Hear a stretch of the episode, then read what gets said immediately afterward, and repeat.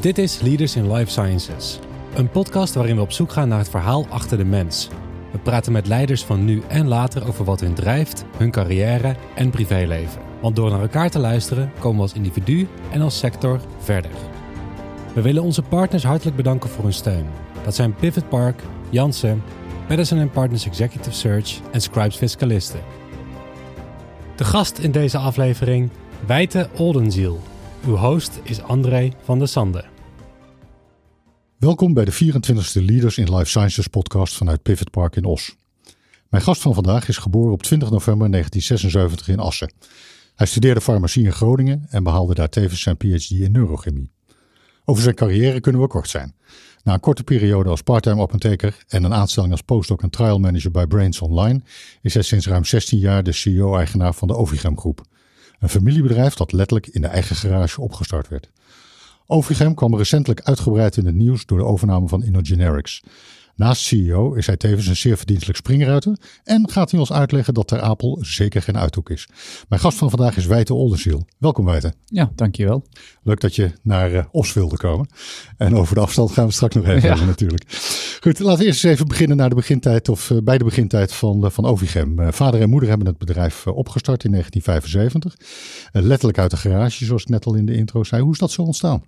Ja, dat is uh, op de volgende wijze. Mijn vader had, uh, had organische chemie gestudeerd, gepromoveerd in, uh, in Groningen en wilde eigenlijk na zijn promotie een eigen bedrijf beginnen. organische synthese in opdrachtbasis. Um, en zo gezegd, zo gedaan.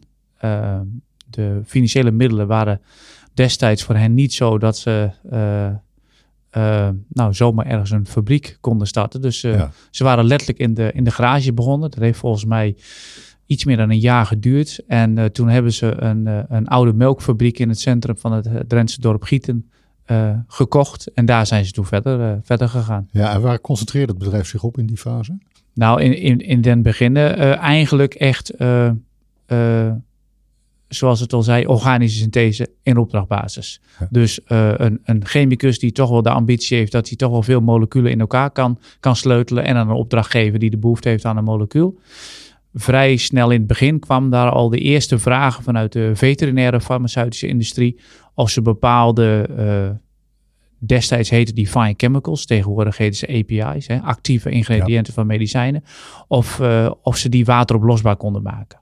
En eerlijk gezegd, die, uh, die categorie producten, dat is eigenlijk een heel simpel procedé. Het zijn ook relatief nou ja, simpele producten, namelijk het, het maken van een natriumzout van sulfonamide een heel oud antibioticum, wat nog steeds gebruikt wordt. Dat wordt uh, heden te dagen, nu na uh, bijna 50 jaar, nog steeds bij ons gedaan. Ja. De, de, geschiedenis is vrij, nou ik kan niet zeggen grillig, maar toch wel, er zijn wel wat hoogte- en dieptepunten geweest als je naar de geschiedenis van Ovigem krijgt. en een van de belangrijke veranderingen is dat op een gegeven moment de, de focus wat verschoof van alleen API-productie naar ook meer een handelsmaatschappij. en jullie gingen naar het buitenland. Ja, het bedrijf was uh, uh, echt een klassiek productiebedrijf. Um, over mijn vader, ze heb ik wel eens gekscherend gezegd van ik ben eigenlijk niet veel mensen tegengekomen die intelligenter waren dan hij, maar wel veel die um, makkelijker communiceren. Ja, ja. Dus men zei wel eens, het was echt een Groninger in, in, in, nou, in hart en nieren. Als je ergens uh, iets met één woord uh, kon beantwoorden, moest je geen twee woorden gebruiken. Ja, ja, een beetje stug. Maar nou ja, ja inderdaad, ja. een beetje stug. Maar uh, echt een productieman. Dus echt altijd in, ook letterlijk als je naar het bedrijf belde, wat ik later ook wel dan hoorde, hè, toen hadden we als kind geen, niet veel betrokkenheid bij het bedrijf, van nee, meneer Oldenziel is achter in de productie. Um, en, ja, en dus niet veel voor op kantoor. Um, um, ja, bezig met, met, met de buitenwereld. Uh, uh, met de commercie en met dat soort zaken.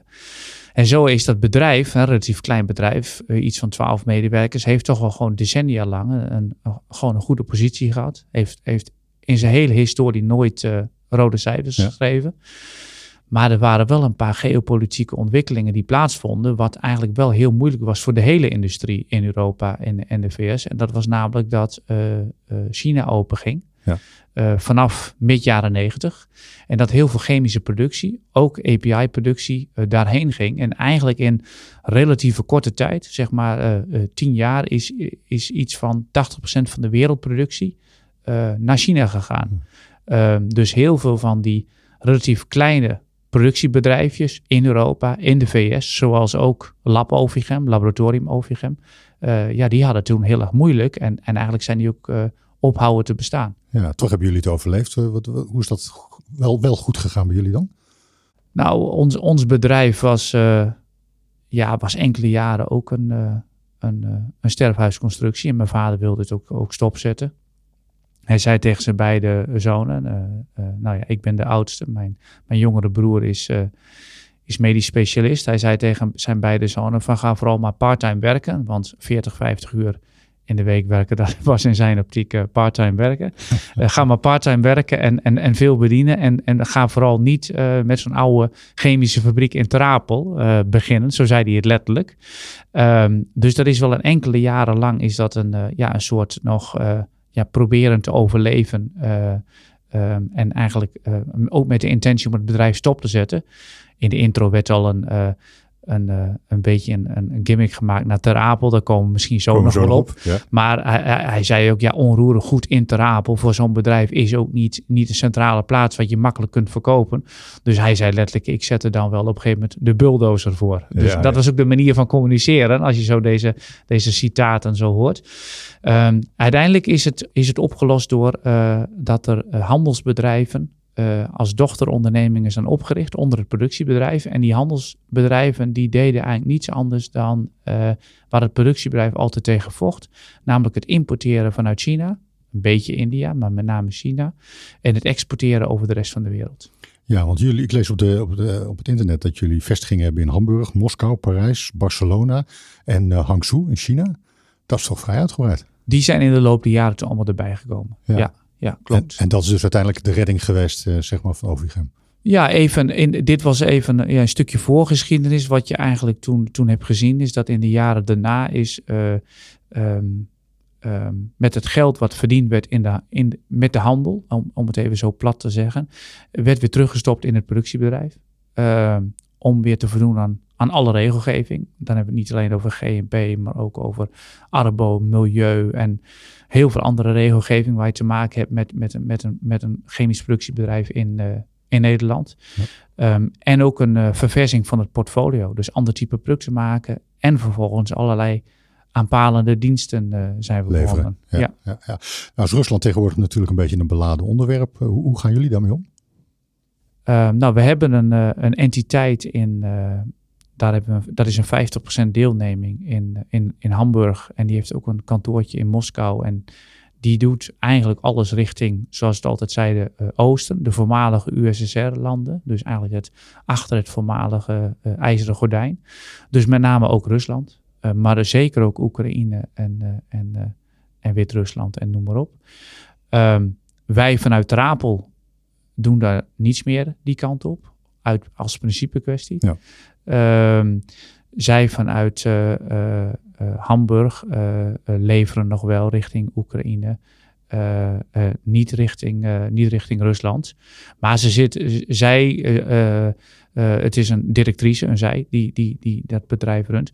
Die zit wel in, in, in een spagaat. Want zij zegt ook van ja, wij hebben ook veel Russische klanten die um, het helemaal niet eens zijn met, met die inval in de Oekraïne. Die het ook niet eens zijn met dat beleid.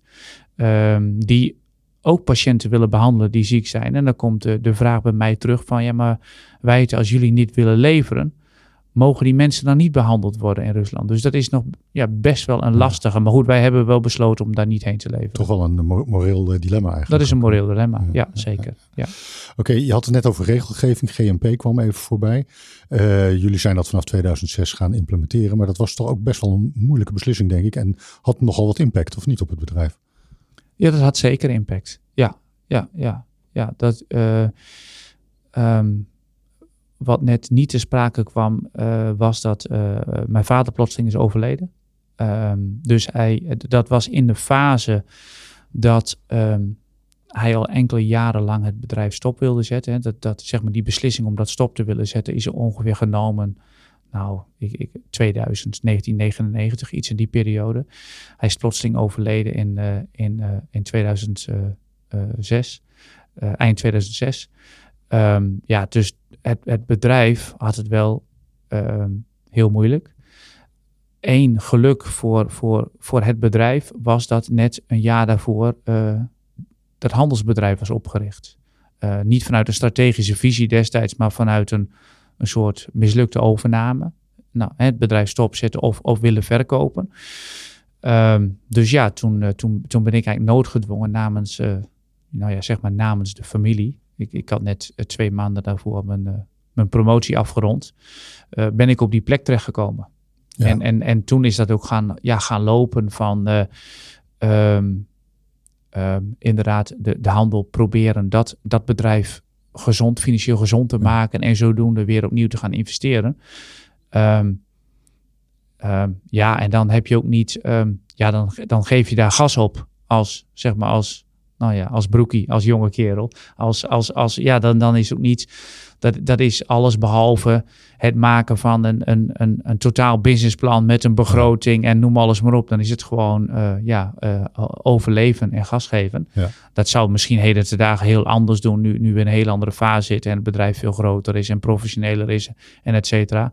Of dat dan beter is, weet ik niet. Ja, was, was je voorbestemd om het bedrijf over te nemen al of niet? Nee, dat was niet, niet nee. geen sprake van. Nee. nee nogmaals, mijn, mijn, zoals mijn vader tegen, de, tegen beide zonen zei van ga vooral, niet in, ga vooral niet in het bedrijf. nee, nee, nee.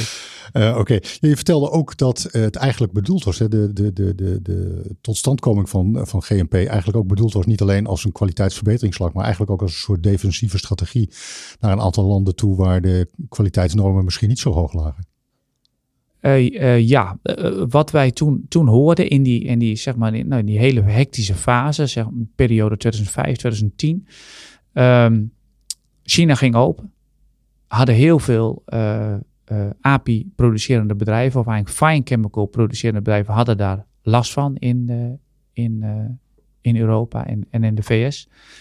Veel um, producenten van eindmedicijnen, die hadden nog een, een registratie waarin relatief eenvoudig uh, je kon switchen van bron. He, even gekscherend gezegd, er staat dan uh, deze API is een, is een, een wit poeder. en, en eh, als grapje, als je je vinger erin steekt, dan smaakt het naar amandelen. de organoleptische testen die al heel lang uit de farmacopee zijn verdwenen. Maar, maar de dossiers, zeker van oude generieke medicijnen, waren dusdanig dat met relatief weinig moeite men kon switchen. Um, tegelijkertijd speelde dat um, vanuit de overheid, vanuit de zorgzekeraars, um, men zei, we gaan de generieke eh, industrie uh, toch wel een push geven. Want we zien wel dat de betaalbaarheid van het, van het zorgsysteem uh, voor toekomstige decennia niet haalbaar meer is.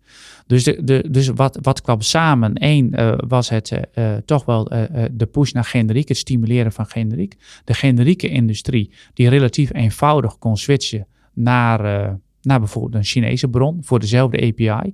De generieke industrie die, die dan ook zei tegen de producerende bedrijven in Europa eh, en in de VS van goh, nou jullie moeten voor die prijs leveren, want anders kopen we dat in op, op de wereldmarkt. Dat maakt voor ons niet uit.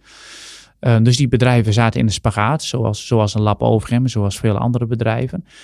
Uh, toen is er vanuit een soort uh, lobby um, en, en, en, en dat liep eigenlijk ook al parallel de jaren daarvoor. Eigenlijk werd er gezegd van, uh, goh, industrie, jullie zijn eigenlijk geen chemische industrie en geen fine chemical industrie, maar jullie, ja, jullie maken het wezenlijke bestanddeel van een medicijn. En dat zou eigenlijk ook toch wel onder de pharma regelgeving moeten vallen. Ja.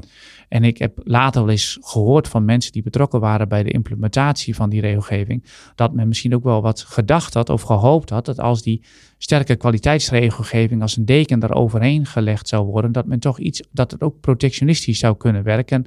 Uh, maar eigenlijk het tegen, uh, tegengestelde is het geval is geweest. Ja, precies. Want die bedrijven die al in Europa, al, uh, Europa, VS, in het Westen al stonden, die al vaak decennia lang daar, daar stonden, dat waren ook vaak al wat oudere bedrijven.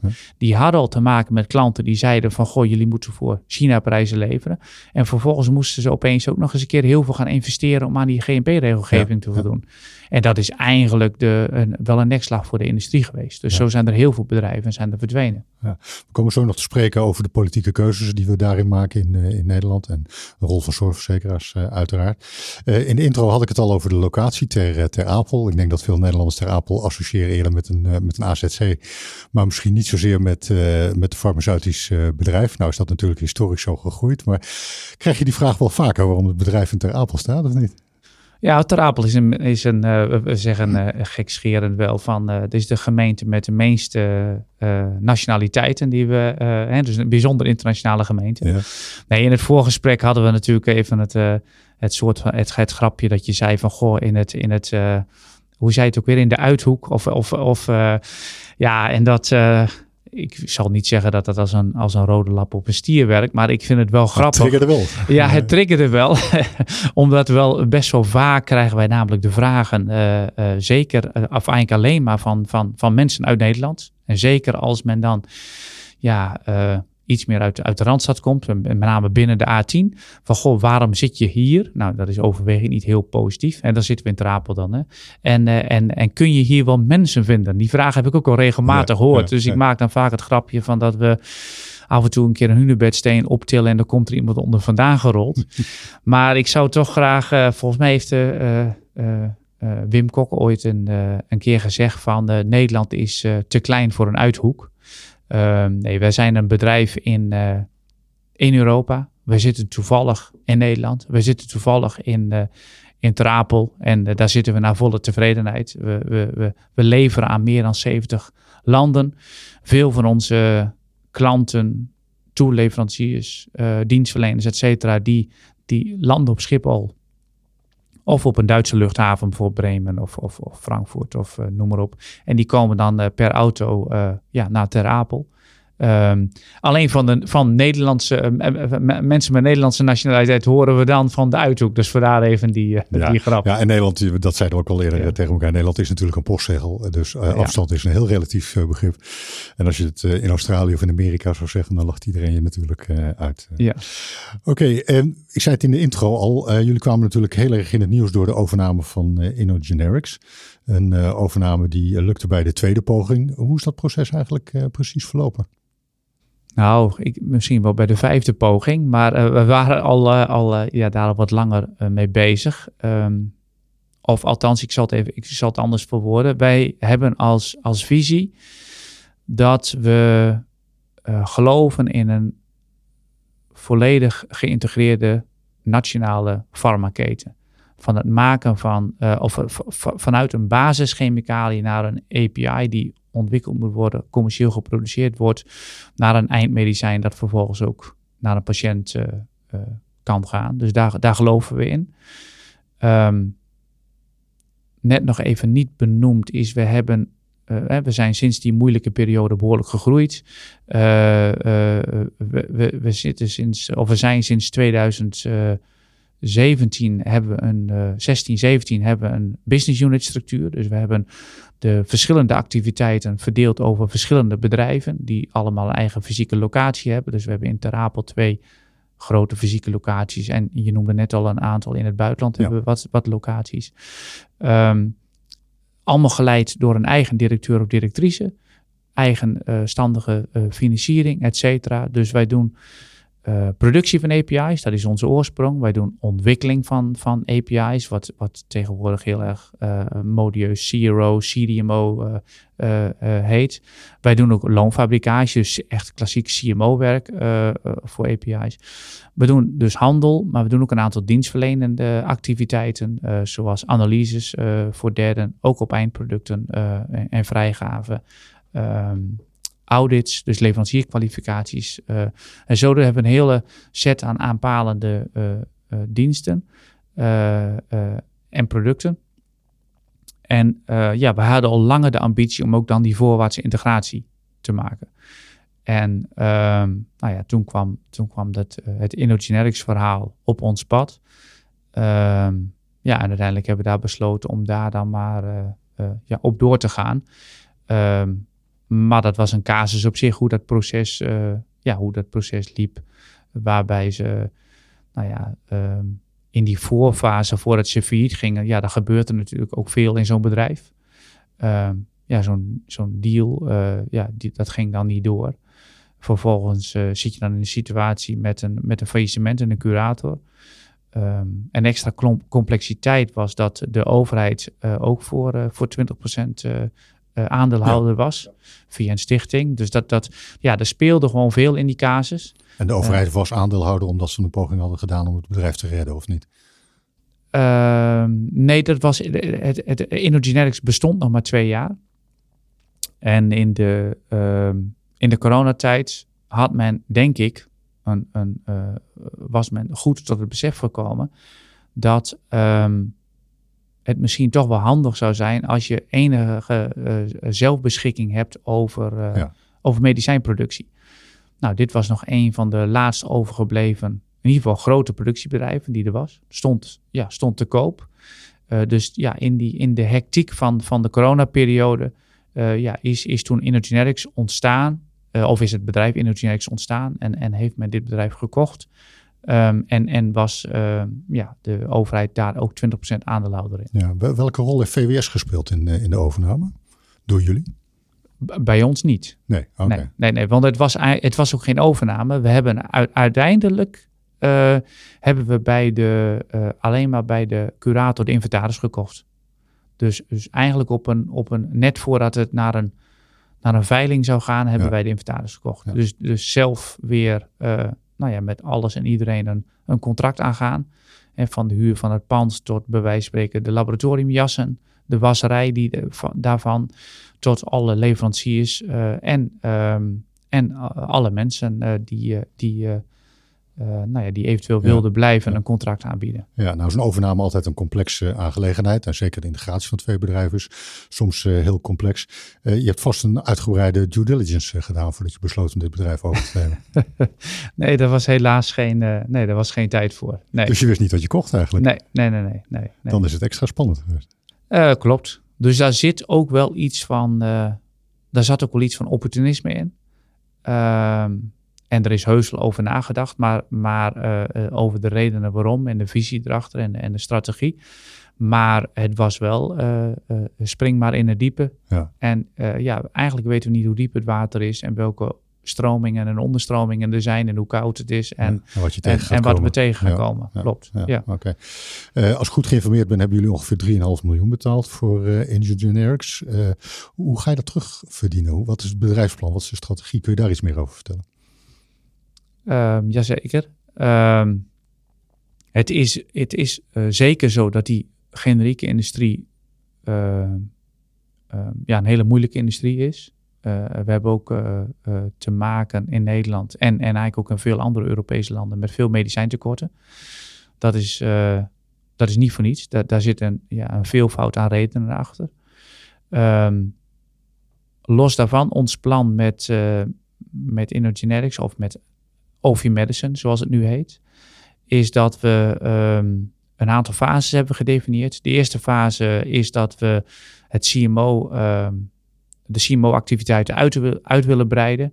Uh, en dat we een goede spreiding hebben over verschillende klanten, verschillende producten, et cetera. Dus niet een, niet een te grote concentratie op een bepaald product of, of, of bij een bepaalde klant de tweede fase, en, en, die, en deel van die fases lopen parallel en die fases komen ook wel vrij snel achter elkaar. Dus hè, hier hebben we onszelf twee jaar voor gegeven, ook voor die fase 1. De fase 2 is dat we veel meer richting een CDMO gaan, dus eigen dossiers uh, uh, of dossiers ontwikkelen voor klanten of tech-transfers voor, uh, voor klanten en ook een stukje eigen, eigen dossiers.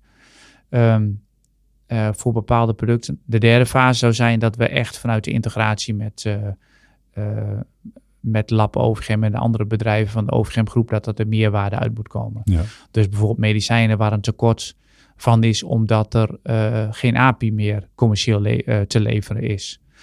dus dat we dan in Terapel zo'n API weer ontwikkelen, opnieuw commercieel gaan produceren, het up-to-date maken, dossier up-to-date maken en vervolgens daar ook het eindproduct van gaan, gaan produceren ja. met een dossier. Ja.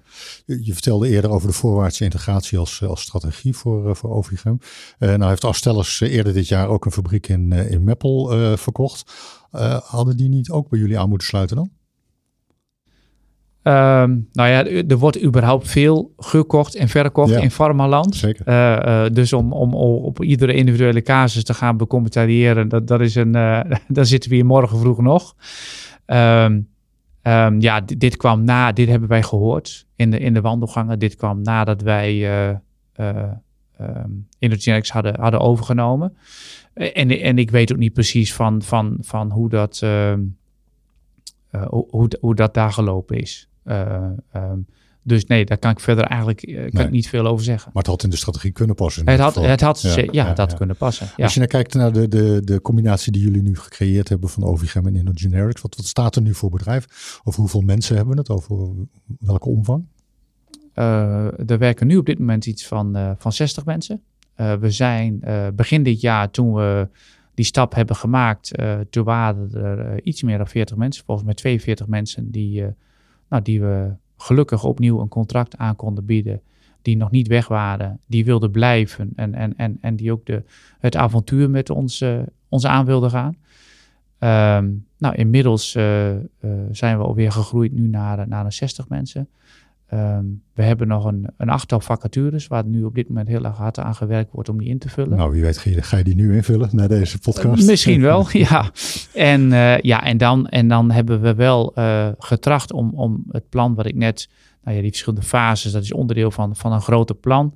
Um, um, ja, en dan gaat het wel doorgroeien. En, en we schatten een beetje in dat, dat als we, als we nou ja, alles in willen vullen zoals we voorzien en, en voldoende kritische massa willen hebben, dat we daar naar een, uh, een, een, een, kleine 100 mensen, 100 medewerkers toe, ja. uh, toe moeten groeien. Nou, het is toch een prachtige groei. Hè? Als je ziet waar het bedrijf in 1975 echt letterlijk inderdaad in de garage begonnen is en dan er straks een bedrijf van 100 medewerkers uh, staat. Ja, in, in Leiden hè? Ja, ja, ja, want Trapel zit, zitten we nu met een, uh, met een 85 mensen. Ja, oh, 85. Ja, oké, okay, goed. Ja. nou, is een mooi groot bedrijf uh, geworden. Het is verdrietig en jammer dat je vader het niet meer heeft kunnen meemaken. Wat er nou ja, eigenlijk uit zijn idee uh, verder ontwikkeld is. Uh, Klopt, nu. Ja, ja. Als ik even terug ga naar, de, naar, de, naar jouw privésituatie. Uh, waar ben je opgegroeid? ik ben opgegroeid in het Drentse dorp Gieten. Dus dezelfde plek waar het bedrijf... Waar de melkfabriek stond. ja, waar de melkfabriek stond, waar het ooit begon. Ja, en mijn, mijn, mijn broer en ik kwamen al vrij snel bij, bij opa en oma terecht. Die daar een, een boerderij uh, hadden, of eigenlijk beter gezegd een hengsthouderij. Uh, want mijn, uh, ze hadden op een gegeven moment de beslissing genomen om de boerderij van de hand te doen en nog in de, de laatste fase van hun carrière, hun carrière door te gaan met paarden, met, met, met, met een hengsthouderij. Uh, dus ja, vandaar ook de link met de paarden. Want ja. wij, kwamen daar, uh, wij kwamen daar al vrij snel terecht. Ja. Uh, vader die heel veel aan het werk was en, en die we praktisch nooit, bij wijze van spreken, nooit zagen.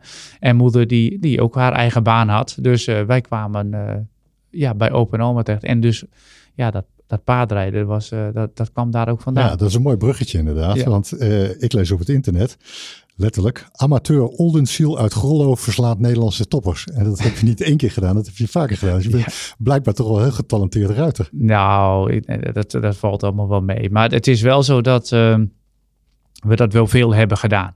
Dus zeker tot, tot en met mijn, uh, mijn promotie. En eigenlijk dus tot aan de, de komst bij Ovigem. Ja, hebben we eigenlijk alleen maar gestudeerd, CQ uh, middelbare school, CQ gestudeerd, CQ gepromoveerd. En dan in de avonduren met die paarden bezig. Ja, ja. Dus paardenrijden, lesgeven, paarden voor anderen uitbrengen op concours. Veel wedstrijden, elk weekend wedstrijden. En uh, ja, dat is wel een hele leuke tijd. Ja, want waar wij allemaal een bijbaantje hadden in die tijd uh, bij Albert Heijn en zo, verdiende jij eigenlijk wat bij via ja, de paardensport. Klopt, dat was, ook, ja, dat was ook een van de dingen. Ja, ja. zeker. Oké. Okay. ik denk dat het, als, je het zo, als ik je zo hoor vertellen, dan was het wel echt ook een gezin van no-nonsense, hard werken, schouders eronder zetten, et cetera. Klopt. Ja. Ja. Ja. En ben je, ben je gestimuleerd van huis uit om te gaan studeren? Uh, ja, zeker. Gegeven uh, de achtergrond van je vader lijkt me dat voor de hand ligt. Uh, ja, nee, dat, daar, daar hebben we intern. Dat, en er zijn er van die dingen met, met verjaardagsvisites of als je met kerst bij elkaar zit, dat je van die anekdotes hebt. Maar nee, zeker, dat werd wel. Dat, dat, nou ja, niet eens gestimuleerd in de, in de zin van, maar uh, zo, dat was uh, als het ware een mededeling van, nou, ga iets studeren, iets Bertas, uiteraard. Uiteraard, ja. ja en, uh, iets anders kwam niet in aanmerking. Nee, en nee. toen we, volgens mij toen we op de lagere school, dus zei nou, je gaat maar gewoon naar Gymnasium Bertha. Punt. En eh, nou, dag en 24 uur, succes. En, Ja. eh, en, dat, en dat, is, eh, nee, dat is verder prima gelopen. Ja, Ja, ja. We hadden het net al even over medicijntekorten. En dat is natuurlijk een onderwerp wat op dit moment hoog op de, op de politieke agenda staat. Dat, hoe, hoe kijk jij daar tegenaan? Hoe groot is het probleem en, en wat is de oorzaak daarvan? Ja, dat is een, een groot probleem. Ehm, dat heeft verschillende oorzaken, dus dat is ook niet zo 1, 2, 3 eh, eh, te beantwoorden. Dat, dat, dat vergt een wat langer antwoord. Toen men eh, zeg maar het beleid ontwikkelde om ehm, toch de, de push naar de generieke industrie, en daar hebben we het eigenlijk al 25, 30 jaar geleden te maken.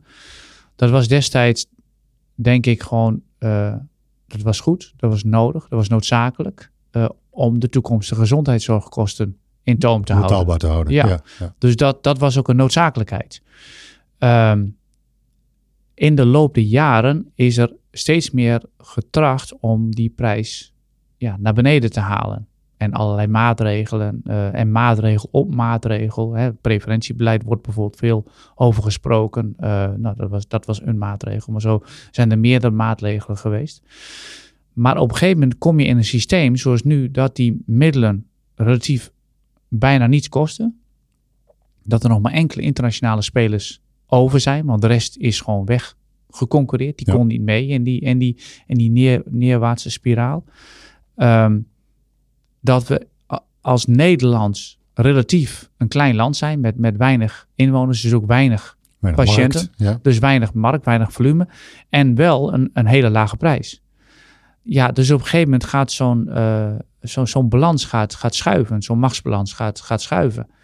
En ehm, ja, daar heeft men eigenlijk dan niet het antwoord op. Nee, en we hebben ons daarmee eigenlijk ook afhankelijk gemaakt van andere landen. Ja, afhankelijk gemaakt van andere landen, maar ook ehm, denk ik wel moet, moeten we collectief in de spiegel kijken. Ook ehm, te weinig visie op, op die problematiek. Ehm, het is nu een, een eh, de fundering klopt nu niet meer. En ik heb in de wandelgang al wel eens gehoord van, eh we hebben die generieke medicijnen. Dat, dat is relatief ook echt, echt goedkoop. Als je even een paar cijfers, de gezondheidszorgkosten is ongeveer 100 miljard in Nederland. Iets van 7% daarvan eh, zijn medicijnen. Ja. Dus dan heb je het over eh 7 miljard. Maar de 80% van alle verstrekte medicijnen, dat zijn die generieke medicijnen, die kosten zeg maar maar 650 miljoen. Dus dat is maar een fractie van de totale, totale zorgkosten kosten, en ja. ook een fractie van de, van, de, van de medicijnkosten. Dus er spelen twee zaken eigenlijk op dit moment. Want een, een medicijn is geen medicijn. Aan de ene kant hebben we de, de innovatieve medicijnen, die soms vaak best wel eens heel duur zijn, soms wel eens te duur zijn. Dus waar ook de beschikbaarheid een, een probleem vormt, omdat ze bij wijze van spreken in de sluis worden geparkeerd, omdat ze gewoon 1, 2, 3, ook heel logisch denk ik, niet zomaar toegelaten kunnen worden, omdat ze zoveel kosten. En aan de andere kant hebben we een beschikbaarheidsprobleem op de generieke middelen, die zo goedkoop zijn, gemiddeld 1,45 euro per patiënt per maand. Dat is minder dan een, dan een chocoladereep eh, eh, bij een pompstation. Ehm, en daar moet dan eh, ja, alles van gedaan worden, alles, alles geleverd worden. Daarmee bedoel ik dat die patiënt daadwerkelijk een doosje medicijnen in zijn hand heeft. Ja. Ehm, eh, waar alle distributie, alle logistiek, alle productie, eh, alle, alle kwaliteitsregelgeving bij in zit. Ja, dat is, dat is eenvoudigweg een prijs die te laag is. Ja. En nu zegt men ook wel van, hè, en, van, ja, we willen wel meer geld daarvoor betalen, want dat kan ook wel. Maar dan komt het niet op de goede plek terecht. En dat is inderdaad ook zo. Als er, als er eh, rot zit in het fundament, dan maakt het niet uit of je een duurdere aannemer inhuurt met een, met een mooie soort stenen, eh, om daar een muur op te metselen. Eerst moet het fundament gerepareerd worden. Ja, dus we zouden eigenlijk bereid moeten zijn om toch iets meer te betalen voor een goed eh, generiek product, zeg je. Nou ja, ultimo ja, maar het hoeft niet eens. Maar het is, het is nu op dit moment niet meer een, een financiële kwestie. Het is een systeemkwestie. Ja, ja. Dat is een veel En belangrijker. hoe zie jij de rol van de zorgverzekeraar daarin? Ehm, nou ja, kijk, het is altijd heel makkelijk om, om iets te zeggen over de zorgverzekeraar dat ze bij wijze van spreken eh, nou ja, iets verkeerd doen of, of, of op de kosten zitten. Kijk, een van de belangrijke rollen van de, ehm, van de zorgverzekeraar is gewoon om de zorg betaalbaar te houden. Daar zijn we allemaal heel uh, tevreden over. Maar we moeten ook niet naïef zijn. Want aan het eind van de maand kijken, eind van de maand kijken we allemaal als, als burger zijnde naar wat kost de zorgpremie. En die mag ook niet te veel kosten. Nou, dus, dat is, dus daar hebben we uh, de, de zorgverzekeraars als instituut voor. Om dat ook voor ons onder andere te regelen. Dus dat is, dat is helemaal prima. Um, maar ik denk wat je, wat je nu wel ziet is. Um, met alle respect voor de zorgverzekeraars, dat ze nog wel een beetje in het oude adagium zitten. Namelijk van, goh, medicijnfabrikanten, u wilt allemaal leveren aan, aan Nederland. En ja, wij moeten alleen maar zorgen dat we de, de, de juiste en de goedkoopste uh, uitkiezen. Um, en um, dat ze zware nog toch wel zeg maar, in hun ivoren toren kunnen blijven zitten. Maar op een gegeven moment, als heel veel dus kleine spelers ja, weg zijn... en je hebt nog maar een paar grote internationale spelers over ja, dan heb je opeens minder te kiezen. Ja. Um, en, en dus, uh, maar de, de eigenaar van het probleem van die medicijntekorten, ja, dat moet wel ergens gevoeld worden.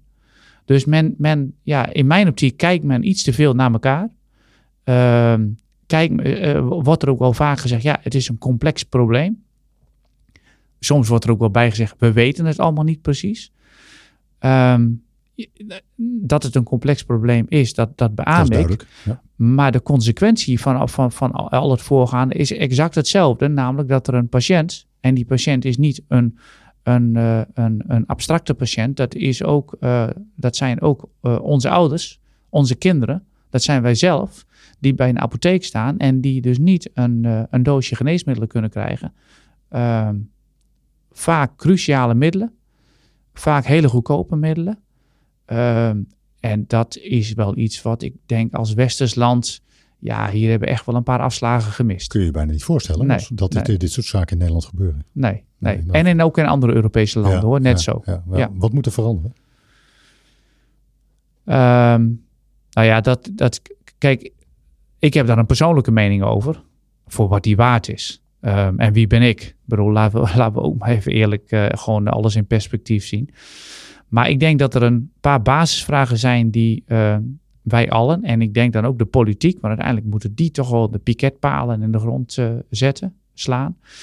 Een paar basisvragen beantwoord moeten worden. Allereerst is de vraag van, vinden we dat um, geneesmiddelen behoren tot de primaire levensbehoeften?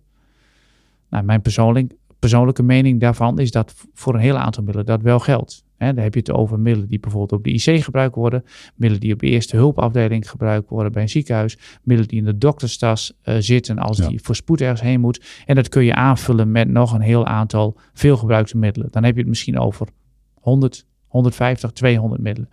Ik denk dat die tot, tot, tot de primaire levensbehoeften uh, behoren. Uh, en vervolgens zou je dan nog de geneesmiddelen kunnen categoriseren in, in verschillende, in verschillende categorieën van je zegt, nou, mag je daar wel eens een keer op misgrijpen? Dus, hè, categorie 2 zou zijn, ja, daar willen we liever niet op misgrijpen, maar het mag misschien eens in de zoveel keer gebeuren. Tot misschien de, een vierde categorie, maar je moet het ook niet complexer maken dan het is, waarvan we zeggen, ja, dat zijn meer middelen, geneesmiddelen die toch iets meer nice to have dan ja. must have zijn. Ja. Dus de vraag, primaire levensbehoeften, ja, oké, okay, dan wil je dus daar ook altijd beschikking over hebben. Dus ook een bepaalde mate van zelfvoorzienendheid in hebben. Tegenwoordig hoor je heel veel de, de, ja, ik wil zeggen de buswoorden, de moderne woorden van strategische autonomie en geopolitieke kwetsbaarheid.